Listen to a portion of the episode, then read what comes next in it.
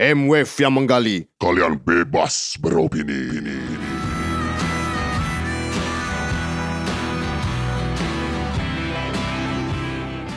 Oke, teman-teman, nah, ini lagi di Lawless nih, markasnya gudangnya Lawless ini kan gua nggak nggak pantas nih Hey. sebut kantornya.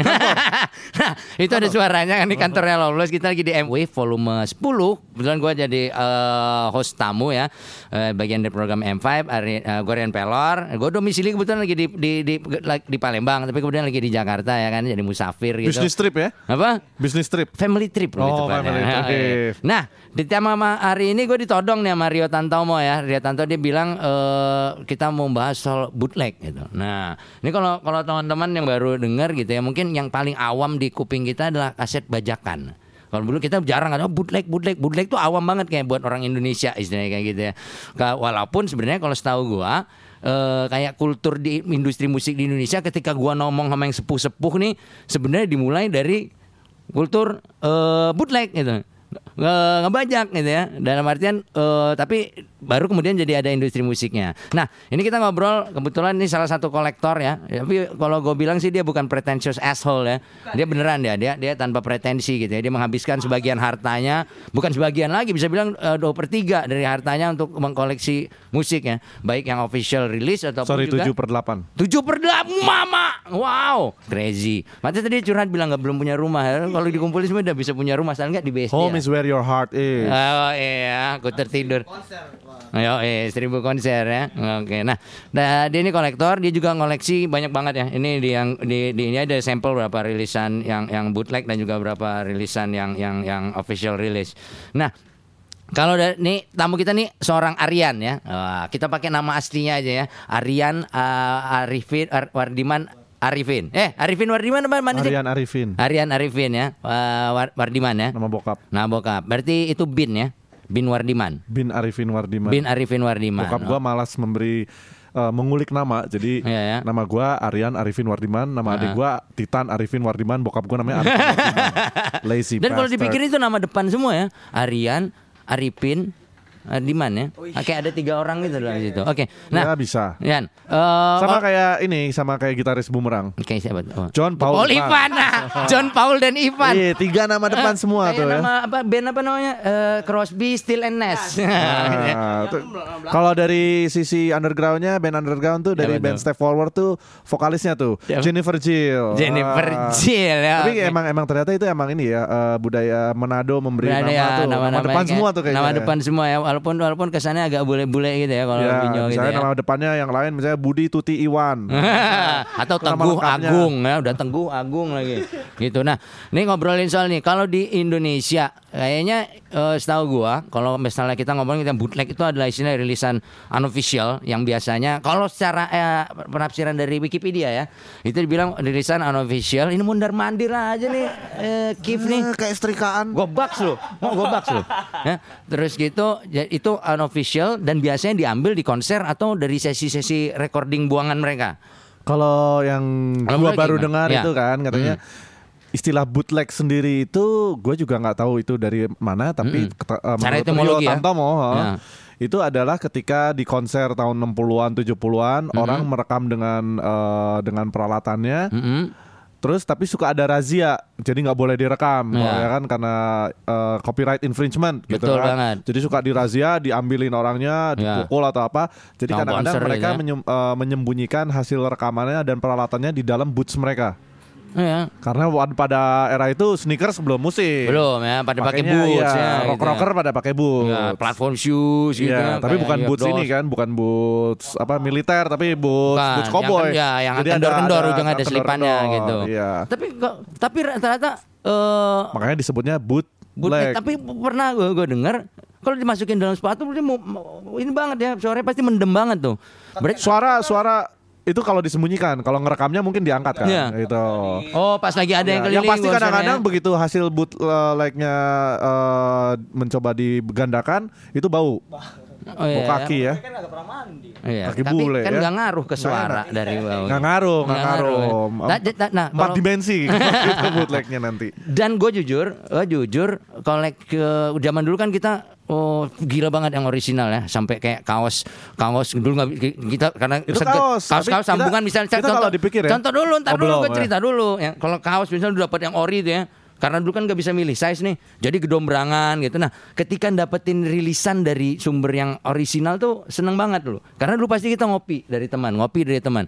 Nah ada satu dari yang paling banget gue gue dapetinnya tuh di duta suara Sabang tuh seringnya tuh tuh. Ada rilisan Malaysia namanya Valentine Sound Production. Yang isinya dari itu di situ dari Ball Thrower sampai Chaos UK itu dia dirilis sama dia. Belakangan gue tahu ternyata itu bootleg Bukan original itu bukan bootleg. original ya, Ya. ternyata kayak kayak bajakan gitu ya bootleg tapi diimport masuk ke toko kaset. ya, toko kaset, toko kaset, Tapi, yang, tapi kaset, yang, tapi cek. yang perlu, yang perlu diingat sebelum tahun 88 itu industri musik Indonesia terutama kaset-kaset import Mm-mm. ke rilisan-rilisan luar maksud Ya, gue ya. Itu bajakan semua. Benar kayak yang gue bilang tadi tuh. Para bosnya sendiri malah ngomong, gak perlu Iya. sebutlah Pak I ya.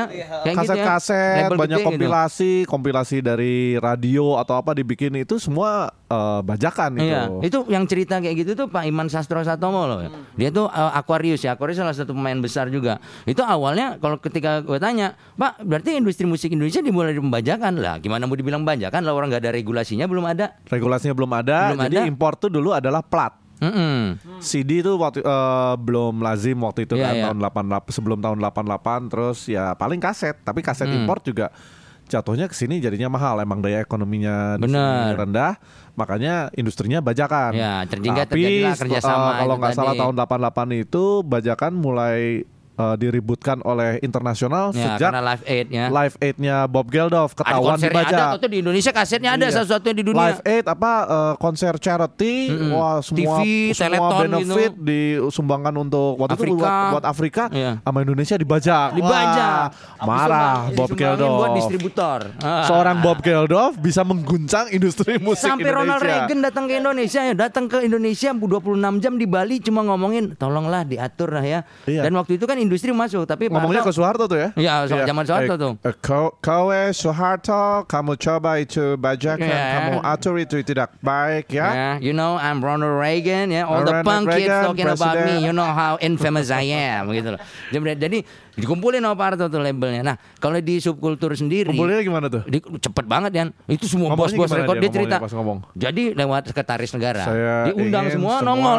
Cepet kalau kita kan industri nggak ada. Coba diselaraskan. Itu itu Pak Pak, Pak ini kayak siapa nih Murdiono ya. Jadi merem-merem gitu ya.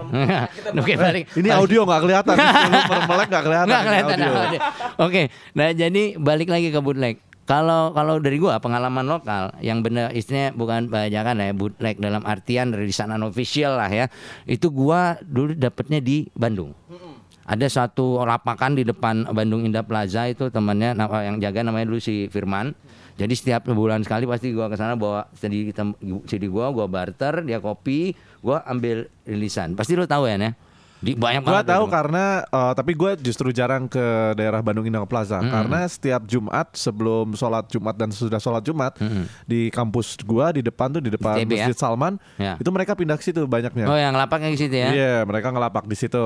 Dan Jadi, dari situ juga di DU 26 juga tuh. Iya. Oh iya. Kadang-kadang syukur-syukur dapat ka- eh, kaset import Mm-mm. Tapi rata-rata banyaknya waktu itu karena aksesnya masih kurang dan orang mungkin nggak terbiasa dengan waktu itu dengan CD. Ya ya. Eh, banyak tuh kayak eh, kaset-kaset hardcore, punk rock, Ya. metal, bajakan lokal. Ya ya. Gitu. Yang dibikin tuh cuma 10, 20 biji. Enggak Di- sih mereka bikinnya 100 mereka sih bikin 100 Fotokopian. Cetakannya Berwarna, jelek disa- di print, Jadi mereka merepro dari berwarna. CD Ada yang punya eh, CD-nya direpro Terus dicetak. Oh, iya. Dan teknologi print warna dulu tuh, wow, cetakan bisa berwarna di rumah, Eh, luar biasa ya. Nah, kalau kalau lo Ah, pertama Ini cetakan print bukan print komputer Ini print oh yang oh ya kayak, kayak ini. ada yang yang yang ya itu setelah, Cetakan, yang apa mulai namanya? cetakan kertas Beneran, pakai iya. art paper itu ya. Iya, Ya, yang ya. Kalau yang kita dulu kadang-kadang awalnya macam gitu di Jakarta mungkin di di Awang lah, Awang di Sleepy itu. Gue pernah kok CD gue dipinjam temen gue pas balik Kenapa halamannya, halamannya jadi acak-acakan Iya. Ternyata wah anjing ini dibajak deh di scan ya. Di scan Diperkecil 80%, Ah, brengsek. Tapi itu butek atau bajakan sebenarnya kan yang Nah, itu dia kalau di luar Bootleg itu bajakan sih Butek gua. itu bajakan dalam artian unofficial. Tapi kalau yang di luar negeri yang yang yang memulai kultur ini, menurut gua mereka karena akses mereka terhadap eh, rilis official itu gampang ya dan di satu sisi kayak kayak apa namanya apresiasi benda budaya budaya itu udah jadi kebutuhan primer lah di sana ya jadi kayaknya mereka nyari yang yang yang direkam itu adalah biasa dari konser atau dari sisa-sisa recording kayak gitu. Nah dari lo yang pertama kali pertama kali dapetin rilisan bootleg yang luar negeri itu kayak gimana tuh? Yang mana rilisan Ya, apa? Indonesia. Enggak maksudnya dari luar negeri. Beneran Oh. lu nyari nih gua oh dapat nih invest wah main di New Mexico gitu. Eh, gua sih nggak inget sih. Cuman gua sering kulturnya kayak ada eh, show apa direkam live. Mm. Nah, itu ada di rilis kayak cuman berapa 20 biji Ya. atau paling banyak 50 mungkin kayak gitu itu mail order sih. Iya ya.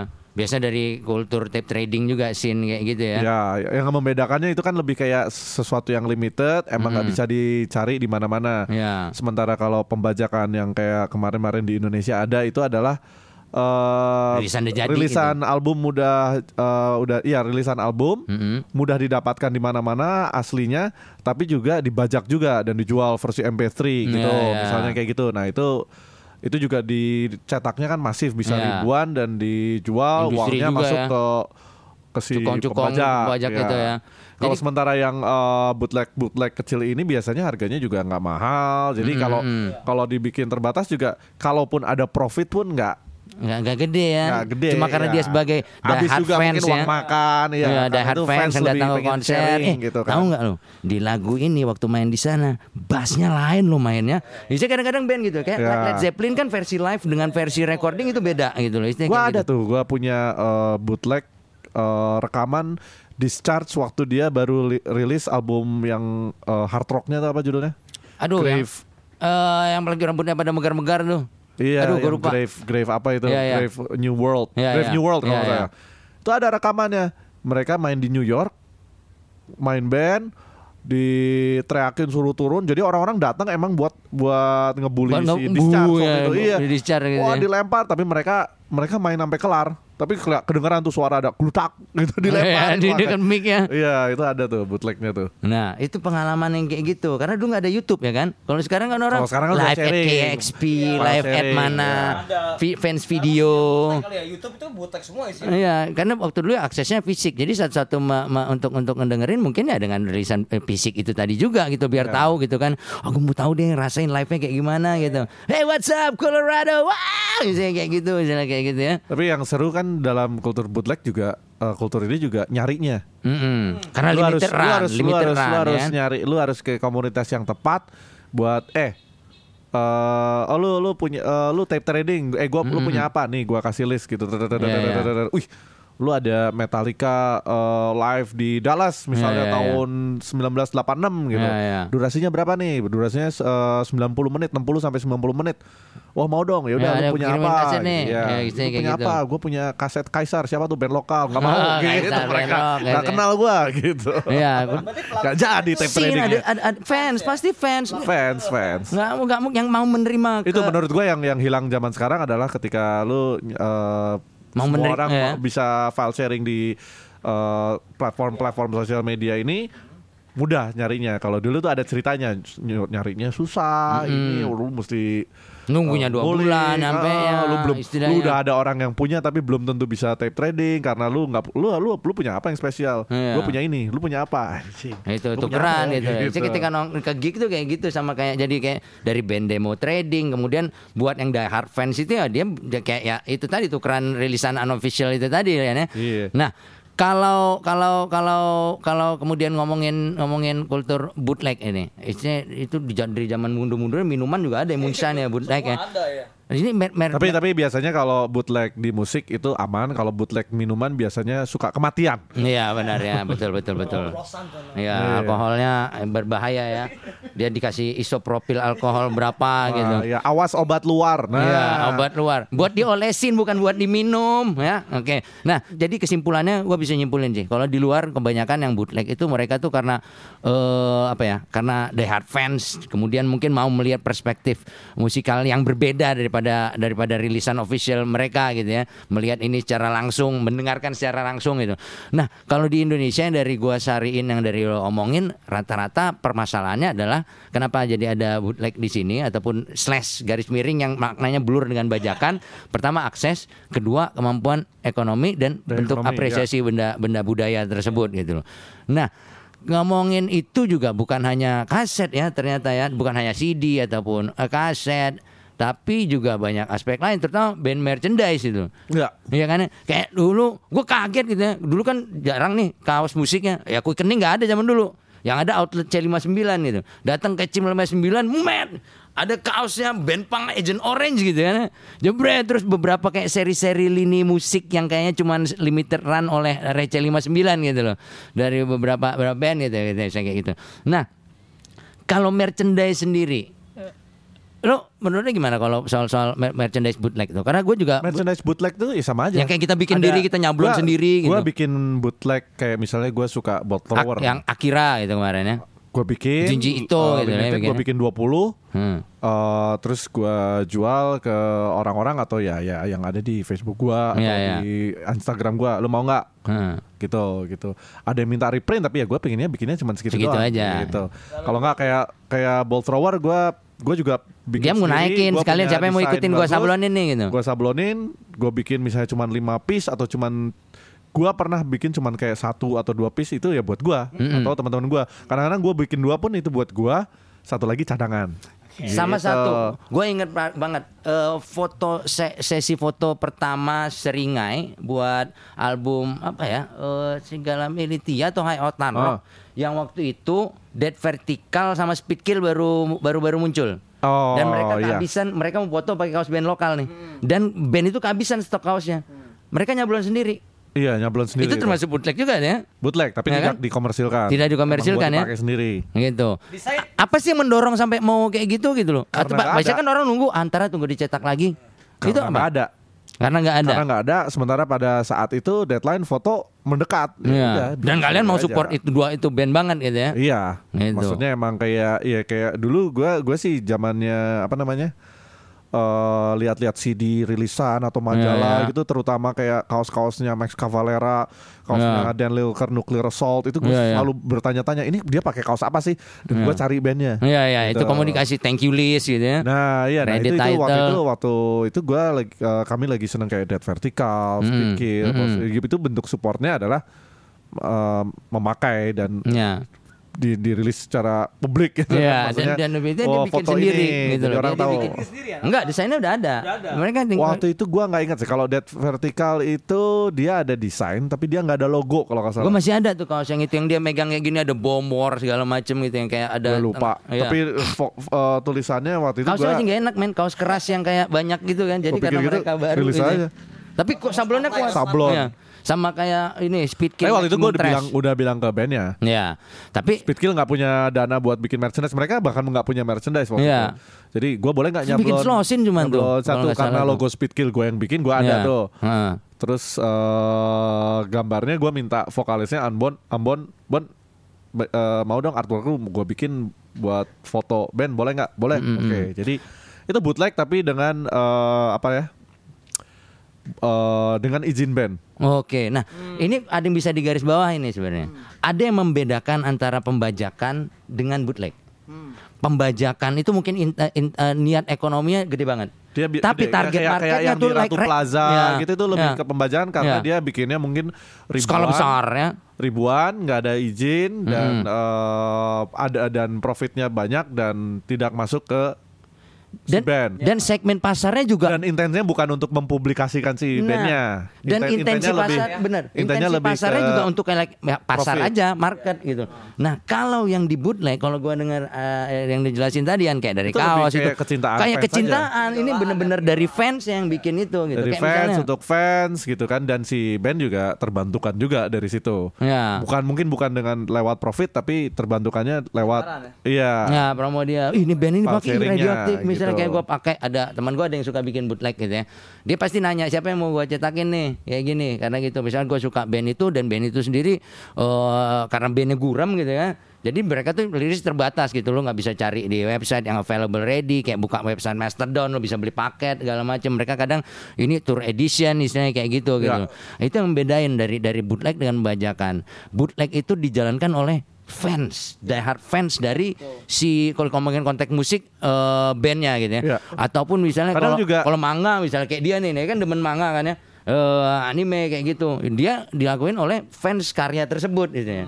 Kadang juga si bootleg ini eh, karena bukan soal akses juga, tapi karena misalnya kayak gini, eh, ada band Jepang nih dulu, Gauss, Mm-mm. dia rilis eh, plat eh, piringan hitam, mungkin dulu waktu itu 1000 tahun 18 1986 udah habis nih, Ya. nggak ada reissue-nya. Nggak di repress lagi. nggak ada reissue-nya Ya. orang nyari orang nyari sementara harga di eBay di Discogs tuh Udah melambung gila babi, tinggi udah banget ada. tuh jadi ada yang bikin eh, bootlegnya gitu nah itu karena eh, lebih available eh, available biar available aja gitu Dan kebetulan bandnya juga nggak beroperasi di ranah industri yang rumit ya. Iya. Dalam artian yang ya santai aja Gitu ya. pengen deh gitu.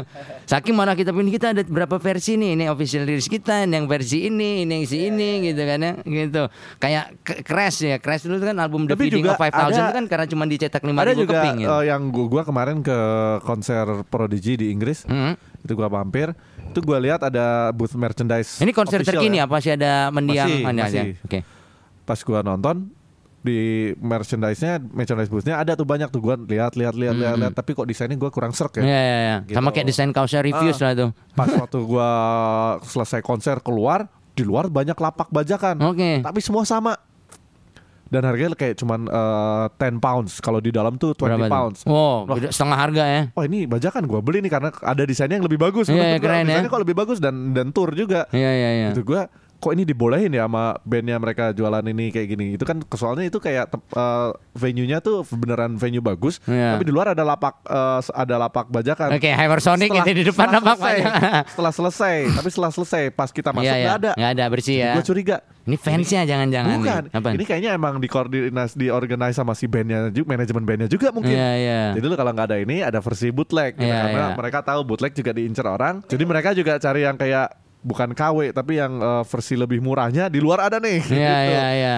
Kemungkinan juga si ada profitnya masuk juga, ke Pak. si mungkin ada ya, mungkin juga, persentasenya gitu. nggak sebesar itu mungkin ya. Iya. Tapi dikasih izin, "Oke, silakan lu kita share profit aja misalnya kayak on the spot gitu ya. Penjual-penjual lu ada 20 Kayak penjual, bazar gitu ya. 20 penjual, siapa yang mau mau ambil versi bootleg dari merchandise kita Iya, gitu. iya, benar benar. Kesadaran dari artisnya bahwa bootleg itu sebuah nilai ya. Kalau kalau di sini gitu gitu gitu nggak? Antara kesadaran dan dan emang kapitalis aja. Iya, iya.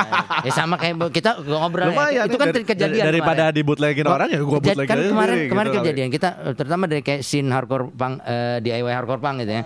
Oh kayak oh wah ini DIY DIY tapi di satu sisi terkadang kultur hip hopnya juga lebih kental gitu. Dari sekedar cuman mau izin. Itu kan terjadi waktu kayak konser Doom kemarin kalau nggak salah. Oh, Doom ya. marah-marah ngelihat kaosnya kok Ba- bergeletak banyak banyak, kaos bang. Ya tenang-tenangin. sampai terus dia sampai bilang ini kan nyawa kita ketika tour gitu. loh. Ya Ya soalnya kalau band-band kayak gitu sebenarnya eh, mereka bawa merchandise, mereka nggak dapat eh, mereka kan nggak mereka ke Indonesia biaya. ya apa sendiri gitu. Terus mereka berharapnya adalah ma- dapat pemasukan dari jualan merchandise. merchandise karena dari luar pintu kok juga bajakan jadi Iya. marah gitu. Dan mungkin da- dan, dan dari pintu juga ada uang dari pintu juga nggak bisa diandelin misalnya kayak gitu Iya. kan ya.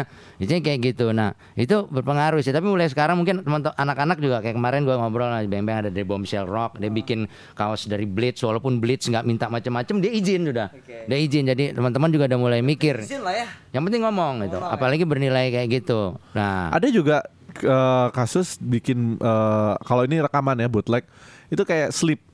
Mereka tuh album yang satu jam tuh apa judulnya? eh, Dope Smoker. Eh, bukan sebelum Dope Smoker tuh apa namanya? Ayo. Yerusalem. Ya, Yerusalem. Ya, Nah, dua, ya. dua album itu kan mereka bikin Dope kan. Smoker, tapi oleh karena mereka eh, durasinya 60 menit, mereka sempat eh, Oh, iya. mau dirilis sama Di- karena labelnya. disunat sama labelnya, produsernya Labelnya kan tuh, waktu ya. itu eh, Sony Columbia. Iya. Mereka nggak mau, aduh, di Diedit sunat, habis-habisan di, diedit, diedit jadi per berapa lagu, emang dirilis. Hmm. Akhirnya mereka sendiri bikin bootleg, yaitu Yerusalem, yang full nggak diedit tuh, Iya. dirilis. Jadi karena industrinya mereka akhirnya memutuskan untuk membootleg karyanya sendiri Iya. gitu. Itu kan yang terjadi maksudnya ketika kayak Led Zeppelin atau The Who saat itu mereka bagaimana caranya eh, memberantas bootleg akhirnya mereka bikin eh, eh, Versi murahnya official- tadi ya? official eh, konser sendiri Ya ya ya, mulai mulai mulai saat itulah Apa mungkin live itu? Iya Iya. live. Mulai mulai ya. Akhirnya eh, di di misalnya di live at Isle Night tuh si eh, The Who. Ya. Bootleg sama akhirnya si The Who sama labelnya dibikin juga. Iya ya. Tapi official. Karena itu juga, sama, gitu. karena itu juga bagian dari keseluruhan kita kata band juga udah mulai mikirin ke album ke- jadi ada istilah EOR ya album oriented rock ya kalau di radio sekarang adult oriented rock itu berubah jadi mungkin dia melihat wah ini keseluruhan konser ini juga ternyata bisa jadi pasar mungkin jadi adalah pasar baru namanya live ada, album itu ya. eh, ada dua album Neurosis live itu Ya. satu di Swedia satu lagi gue lupa di Prancis kalau nggak salah itu kayak official bootleg judulnya Oke, jadi ya. Mereka sempat beredar eh, bootlegnya rekaman mereka live tapi saking bagusnya akhirnya si band menga, eh, Rilisnya ngambil diambil "Sini, yang produksian boleh aja." ambil nggak gua mau rilis resmi Iya, iya. aja gitu dan Iya. mereka akhirnya rilis resmi Tapi jadi berani officially zaman dulu- official bootleg Zaman dulu memungkinkan itu karena what you see what you get ya. Iya, Kalau sekarang kultur recording digital mungkin memudahkan, tapi juga bandnya kadang bagus di SoundCloud live-nya bapuk gitu. Kan sekarang kayak gitu ya. Jadi kalau di Indonesia, itu ngomongin lah ya, so, ngomong- se- agak sedikit nyerempet soal live album gitu. Oke. Di live album yang menurut gua kayak di subkultur aja nih, yang kayak apa rilisan di Bandung yang skatepark itu kan direkam di bukit. oh for live recording for Iya ya, yang yang yang empat band Pupen main juga kan ya. ada Pupen Jeruji eh, siapa lagi ya gue lupa Yang buat benefit skatepark kan ya. oh yang benefit skatepark bukan live itu itu kompilasi Oh ya, kalau yang yang yang live yang itu tadi ya. ya itu kayaknya rekaman live eh, underground yang pertama proper tuh ya. kalau bilang pertama tuh. bukan yang pertama tapi yang proper emang emang sengaja Nah di dibikin begitu Indonesia sendiri ngomongin soal bootleg adalah rekaman live, kayaknya kultur rilis album live tuh masih Dikit ya. masih dikit deh kayaknya. Kalau kalau setelah gue kepikiran nih, kesekilas aja kepikiran. Ya, memang benar sih ya. Iya, untuk dirilis iya, yang gua tahu paling kemarin naif kan iya naif.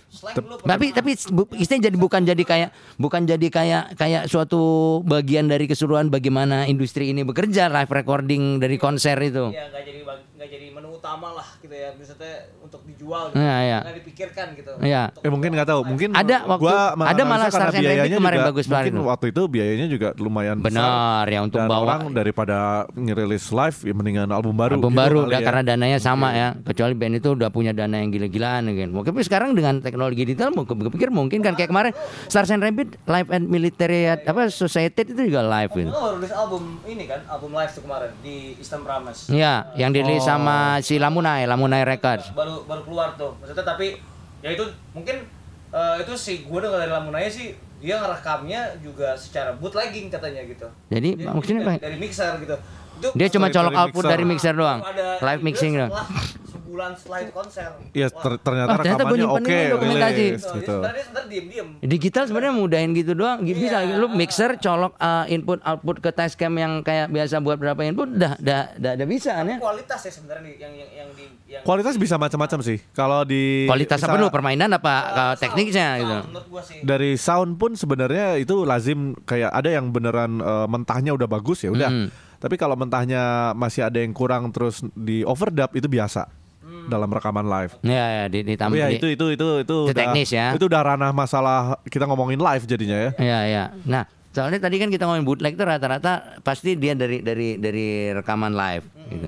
Jadi kalau kalau gua ngelihat sekarang di tengah eh, dengan gempuran oh orang bisa dengerin oh tinggal live misalnya reviews 2008 kita udah bisa lihat Iya. live-nya lagi menurut lo masih relevan gak sih kultur bootleg itu Itu balik lagi lebih jauh lagi. sebagai sesuatu Rilisan benda fisik- yang dijual rilisan ini? fisik gimana? masih relevan nggak gitu ya? masih relevan atau enggak gitu. Rilisan fisik menurut gua relevan eh, buat komunitas-komunitas yang yang emang apa ya? Menikmati kulturnya musik sebagai keseluruhan dari ya, situ. holistik gitu ya. Iya. Mungkin kalau eh, rekaman mungkin sekarang berkurang tapi toh selama merchandise belum bisa eh, Di digital kan? digital kan hologram lima kaos hologram pilihan anda gitu gitu kan. Masih ya? Printing eh, tiga dimensi langsung jadi kaos gitu Iya kan. ya.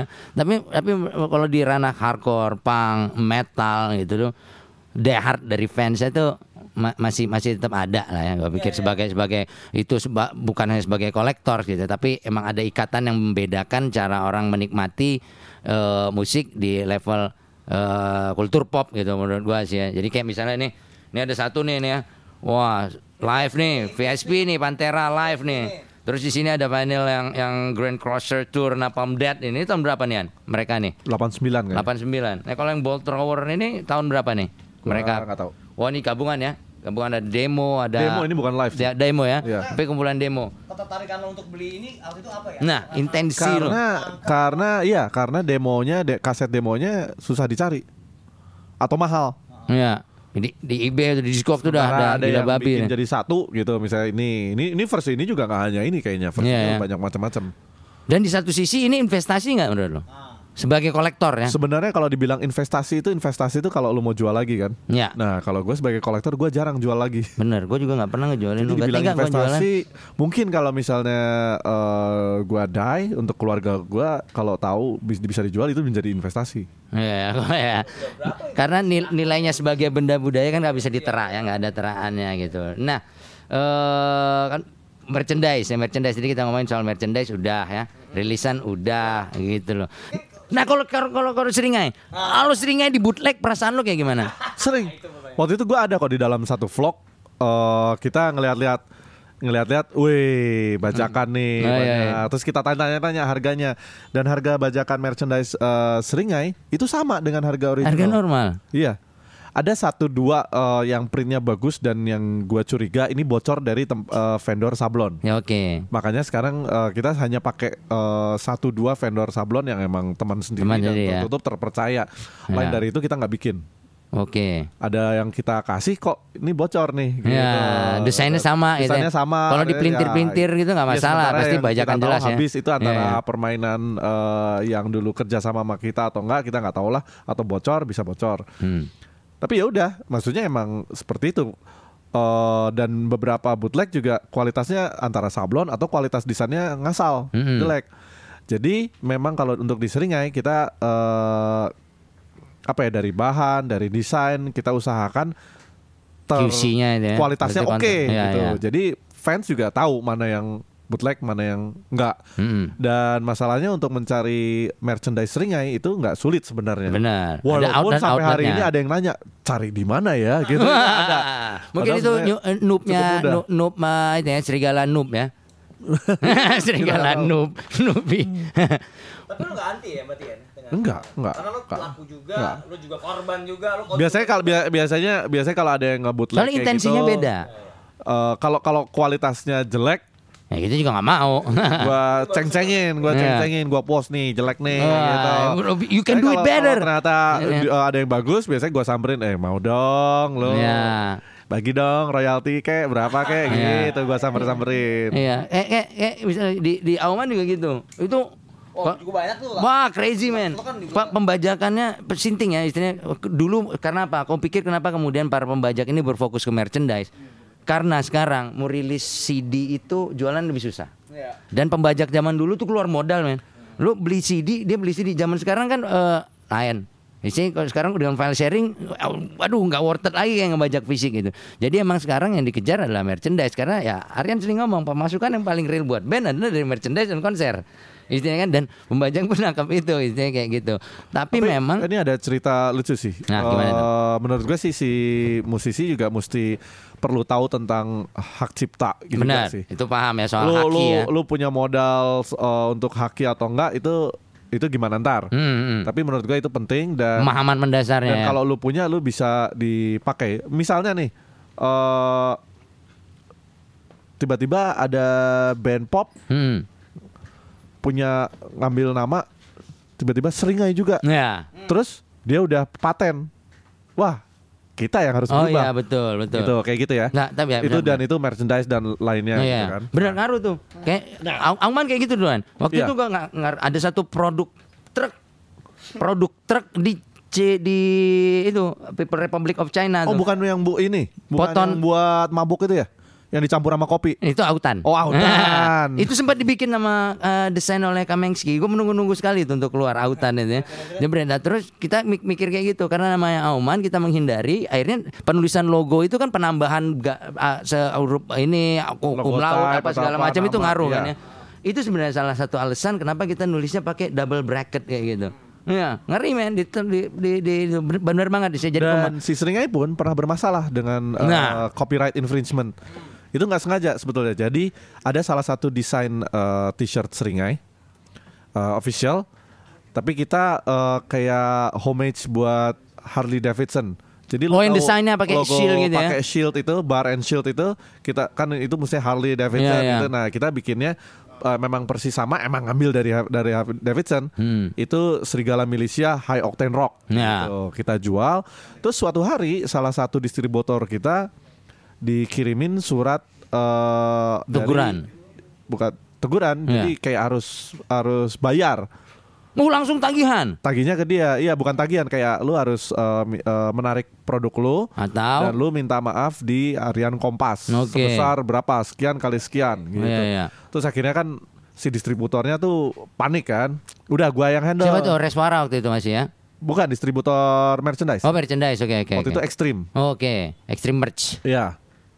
Dia akhirnya gua gua gua telepon tuh peng- eh, kantor peng- eh, law- law- lawyernya. Hmm. Ini ini gini eh, lo ngirimnya ke sini sebenarnya yang yang buat gua Ya, gitu. ya, ya. Gimana nih? Oh iya mah tapi ter- ternyata mereka kooperatif. Hmm. Kayak bukan ngegas-ngegas gitu. Ya, ya, malah semua jadi tagih. bap- Bapak nih salah nih. Eh, anda eh, menggunakan eh, logo bar and shield Ya, Harley ya. Davidson tanpa izin sementara ini udah kami patenkan. Mereka tuh mematenkan dari nama, dari Code of arm. dari Bentuk apa. code of armnya itu Semua ya. itu kalau perusahaan Yang kan udah sini, besar itu ya gitu. perusahaan besar itu udah udah didaftarin semua tuh ke hak cipta kan. Hmm.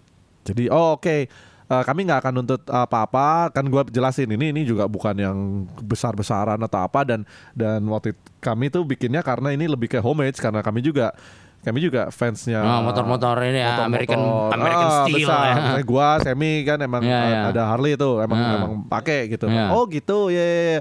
Ya udah kalau gitu nggak emang kita nggak nuntut apa-apa cuman tolong eh, Ditarik aja tarik gitu. barangnya jangan dijual lagi yang desain itu dan permintaan maaf di harian Kompas Mm-mm. sebesar berapa kali berapa gitu kalau nggak seperempat halaman Iya. wah berapa nih ya Wah, lumayan, mahal tuh, pas mahal kan. kok Kompas 50 juta men Iya, iya. wah gue telepon Iya. lagi tuh Makanya kalau ada orang berita kimia Gua gua telepon tuh gitu. pengacara. Mahal tuh. eh Bos, eh, Mbak, ini 50 juta kita nggak ada uangnya, bisa ini nggak gini-gini.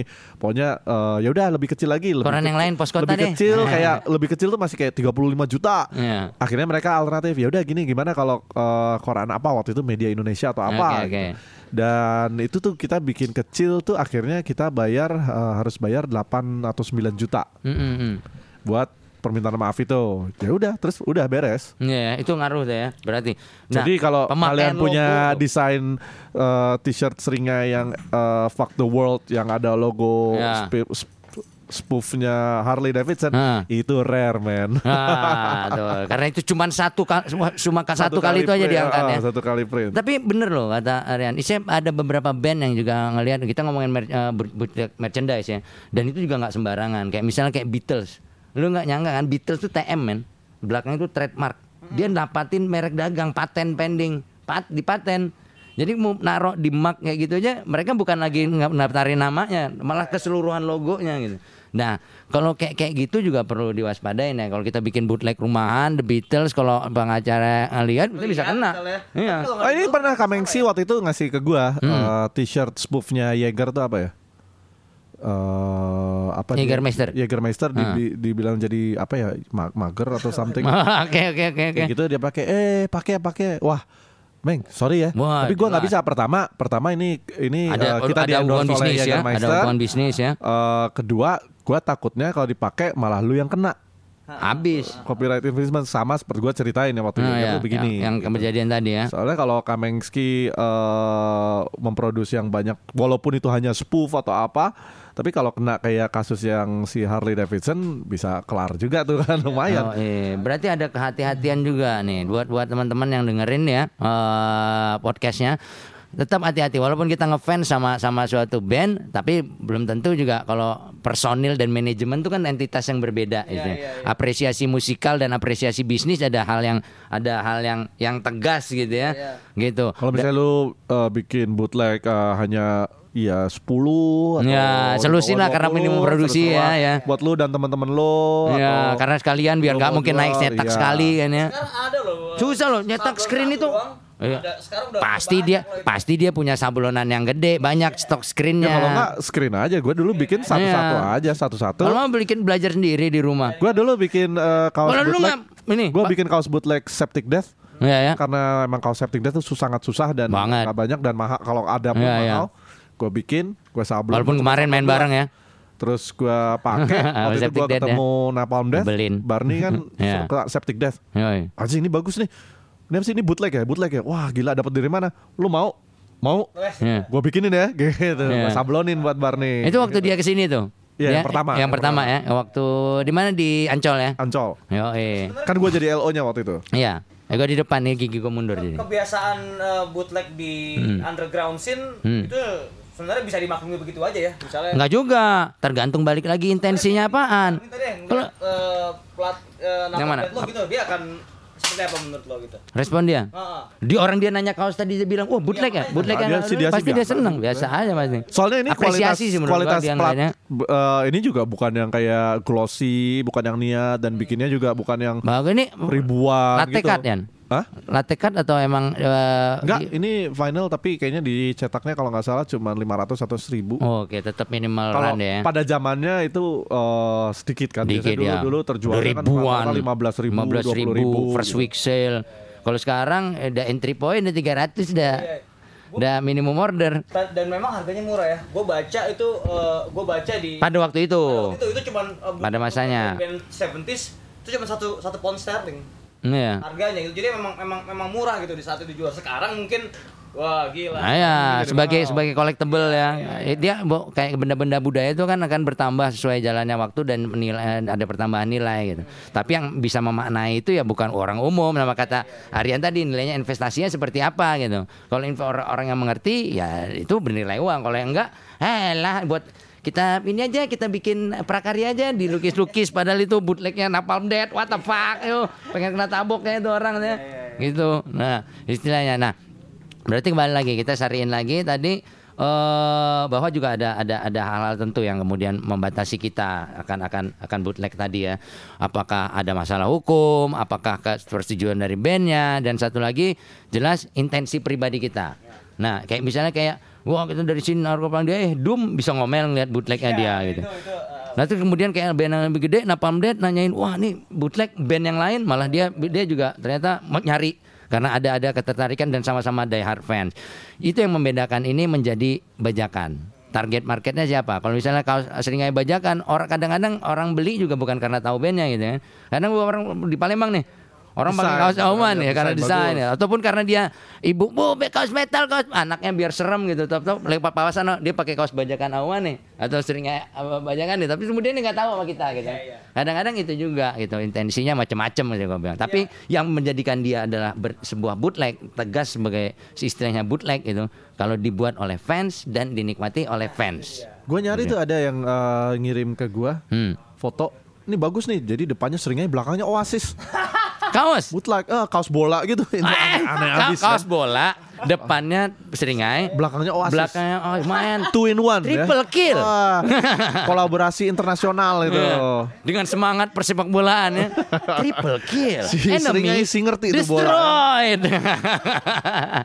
What's the story? Individu. Waduh, ini gini, ini gini. Nah dari dari lo ada apa apa lo pengen ceritain apa lagi nih pengalaman lagi yang soal soal itu ya, terutama hunting barang bootleg nih, yang sampai bidding bidding gila-gilaan lo pernah nggak? Biasanya Musik kan, ya? Iya iya. Sampai taruhan di eBay, tarung-taruhan gitu. Gua pernah ikut eBay ada waktu itu plat bootleg live sleep sih. Tapi ya Oke. ceritanya nggak terlalu seru. Gua justru dulu sempet lihat eh, ada orang dulu di Bandung pakai kaos Nike Ardila Mhm. waktu lagi ngantop tuh ya Nike Iya, iya. Ardila. Eh, dia kan nggak ada merchandise-nya? nggak ada. Tapi dia lagi duduk, latar belakangnya bendera Amerika. Jadi college gitu. Wah, Anjing, ini keren banget sih. Gua gua nyari itu Dengan Siamplas, separasi gitu ya. Tapi nggak dapat gua. Gua hunting ini di mana nih gitu. Itu padahal anjing ini keren banget. Nika Ardila dengan bendera Amerika. What the fuck banget kan gitu. Lu udah nyari di jam plus nggak ketemu? nggak ketemu. Artinya mungkin di nggak tahu di Parayangan Plaza Bandung mungkin. Iya, itu mungkin gitu ya. dituntut kreativitas juga ya untuk bikin bootleg kayak Nika Atila dengan Ya kadang-kadang itu kan niche kan maksudnya itu bukan kreativitas juga Bukan, itu eh, kayak eh, kayak kayak niche asal market, aja nggak tahu gitu. apa gua nggak ngerti apa tapi tapi malah jadi anjing keren nih gitu. Iya, yang cringe tapi yang bikin jadi keren gitu ya. Iya, iya. Itu cringe tapi how keren Kayak gitu. terakhir gue kemarin ada kaos Dedi Stanza tuh ya. Eh, itu- Hah? Iya, makanya gua gua si Daniel ngasih ngasih gua. Lihat. Nih yuk kaos Dedi Stanza. Gua langsung mikir ini bootleg atau bukan ya? Gua nggak tahu tuh oh, produksinya dari mana. Kalau misalnya dilihat dari Iya kayaknya sih bootleg karena dari dari Stanza mah Iya kan dia mah selain udah meninggal juga udah nggak kayaknya nggak ngurusin merchandise pada masa itu. mungkin itu kali ya. Tapi ba- ba- banyak emang ya gitu ya, yang yang yang kayak gitu. Sekarang juga mudah ya istilahnya eh, screen printing itu bukan hanya dikuasain oleh konveksi. Iya, iya. Banyak juga homemade screen printing. Teman-teman juga bukan jadi itu juga bukan jadi keahlian yang yang yang yang wah kayak gimana gitu. Sekarang semua orang juga bisa eh, kayak, kayak misalnya di dunia model kit juga kan ada resin kit tuh, rank garage build kayak gitu-gitu. Kayaknya di semua ranah tuh pasti ada apresiasi yang yang yang dilakukan oleh individu untuk untuk untuk suatu yang dia dia dia senengin sih menurut. Tapi kembali lagi hal yang dia senengin intensinya tuh karena dia tuh fan, apa die hard fans lah Iya, pasti gitu. secara moral itu akan nggak apa-apa ketika eh, lo se- sebu- eh, seorang diehard fans yang ingin mengapresiasi atau mengidolakan eh, se- se- seorang artis atau band kali ya. Iya, iya. Untuk menjual atau misalnya oh seringnya yang rame nih, gue bikin aja deh. Ya, ya, ya. Nah, Pro- buat itu. emang intensinya buat profit. Ya, Ya, kan. karena digital pun kita nggak- sama lo misalnya, gue Ya, sering gitu ya. misalnya. Juga- Karena kayak di dunia digital juga musik juga kayak file sharing semua juga semakin ter- pelan-pelan terproteksi. Lo sharing eh, video di YouTube misalnya, secara otomatis juga ntar nongol lisensinya di bawah. Jadi intinya sih ya, kalau gua gua tidak anti dengan bootleg atau Mm-mm. bootlegging.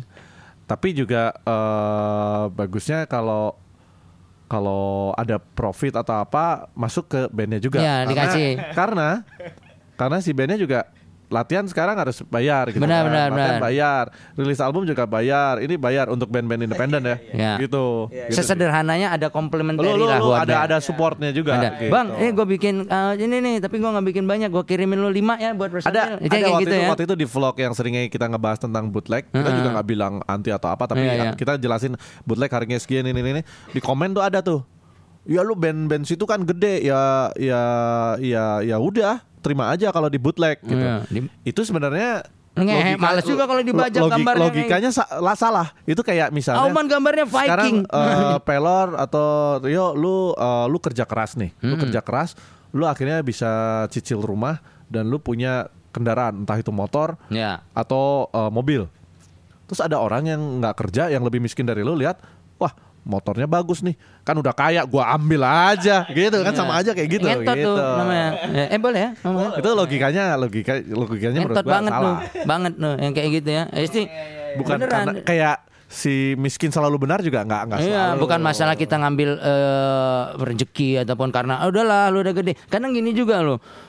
Sedih gitu loh ngelihat orang nggak tahu. Kayak misalnya jadi kayak kayak misalnya Auman fans kita fan- fan- eh, yang yang demen band itu sendiri eh, kamu pakai kaos bajakan kan sedih ngelihat Aulia Effendi dulu tuh atau teman yang ilustratoran udah bikin bagus-bagus. Begitu yang bajakan nongol cuman ngandelin wah Viking warna terang megang kapak. The fuck man itu kan ada estetika sendiri yang kita jaga dan kesian orang kemudian gue jadi hei jadi kayak gitu, kaosmu bajakan. Sama kayak orang ngomong hei Ramonsmu udah ini siapa drummer yang baru ya ini kayak gitu saya ada ada, snobbery merchandise juga Ramon Slu dari H&M nih ah, gitu H&M. Nah, black flagmu juga.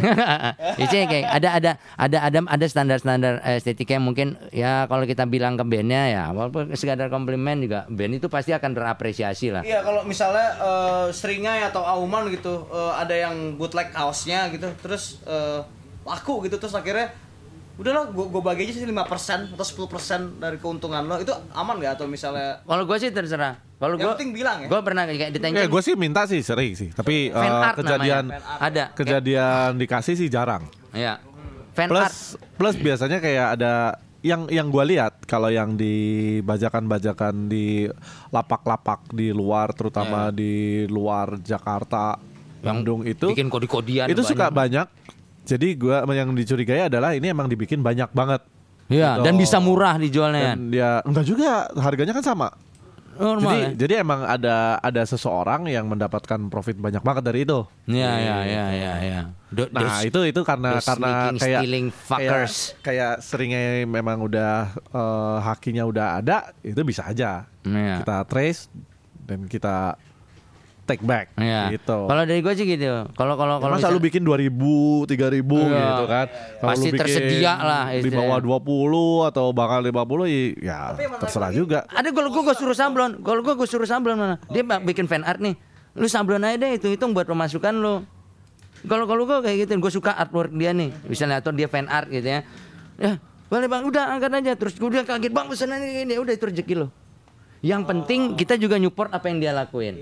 Gitu. Misalnya Atau kalau nggak ada misalnya gua gue juga sekarang bikin bootleg eh, film-film cult misalnya. Itu juga seru.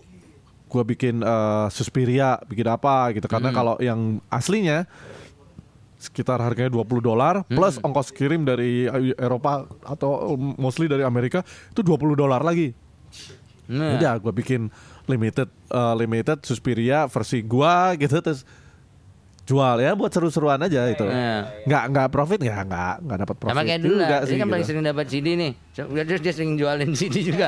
Jadi misalnya dia ngasih kopian dulu CD, habis itu ntar baru gua beli CD asli sama dia. gitu sih, tapi itu sih. Oke. Nah, ini seru banget kita udah ngelantur ke sana sini ya kiri kanan atas bawah dan dan dan soal soal bootleg apa kayak definisi esensial dia yang membedakan dia sebagai sebuah bentuk pembajakan gitu ya. Pengidolaan ya. Ya, tapi dalam bentuk pengidolaan yang dalam artian kita ngelakuin sesuatu untuk untuk itu bukan hanya datang ke konsernya, beli merchandise-nya ataupun juga eh, apa satu lagi ya? Eh, membeli rilisannya, tapi membuat rilisannya, ya kan ya, merekam konsernya dengan membuat juga merchandise-nya. Itu itu juga sebuah apresiasi menurut gua. Jadi itu adalah eh, bentuk apa ya? Sebuah bentuk apa ya?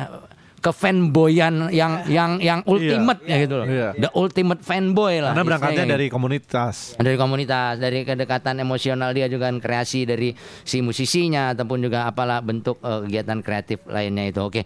Thank you Yan atas waktunya. Terima kasih. Dan Pelor. ini juga tem- teman-teman kalau yang sempat juga membahas mungkin bisa cek juga di vlog di Seringnya yang waktu itu sempat ngulik juga soal soal bootleg ya dan ngelihat kasusnya di tiga- lapangan. Gua, gua lupa episode berapa. Iya, Coba itu. aja cek dari episode 1 sampai yang terakhir. Tapi yang pasti kalau itu langsung pantengin deh ntar nih di MW volume 10.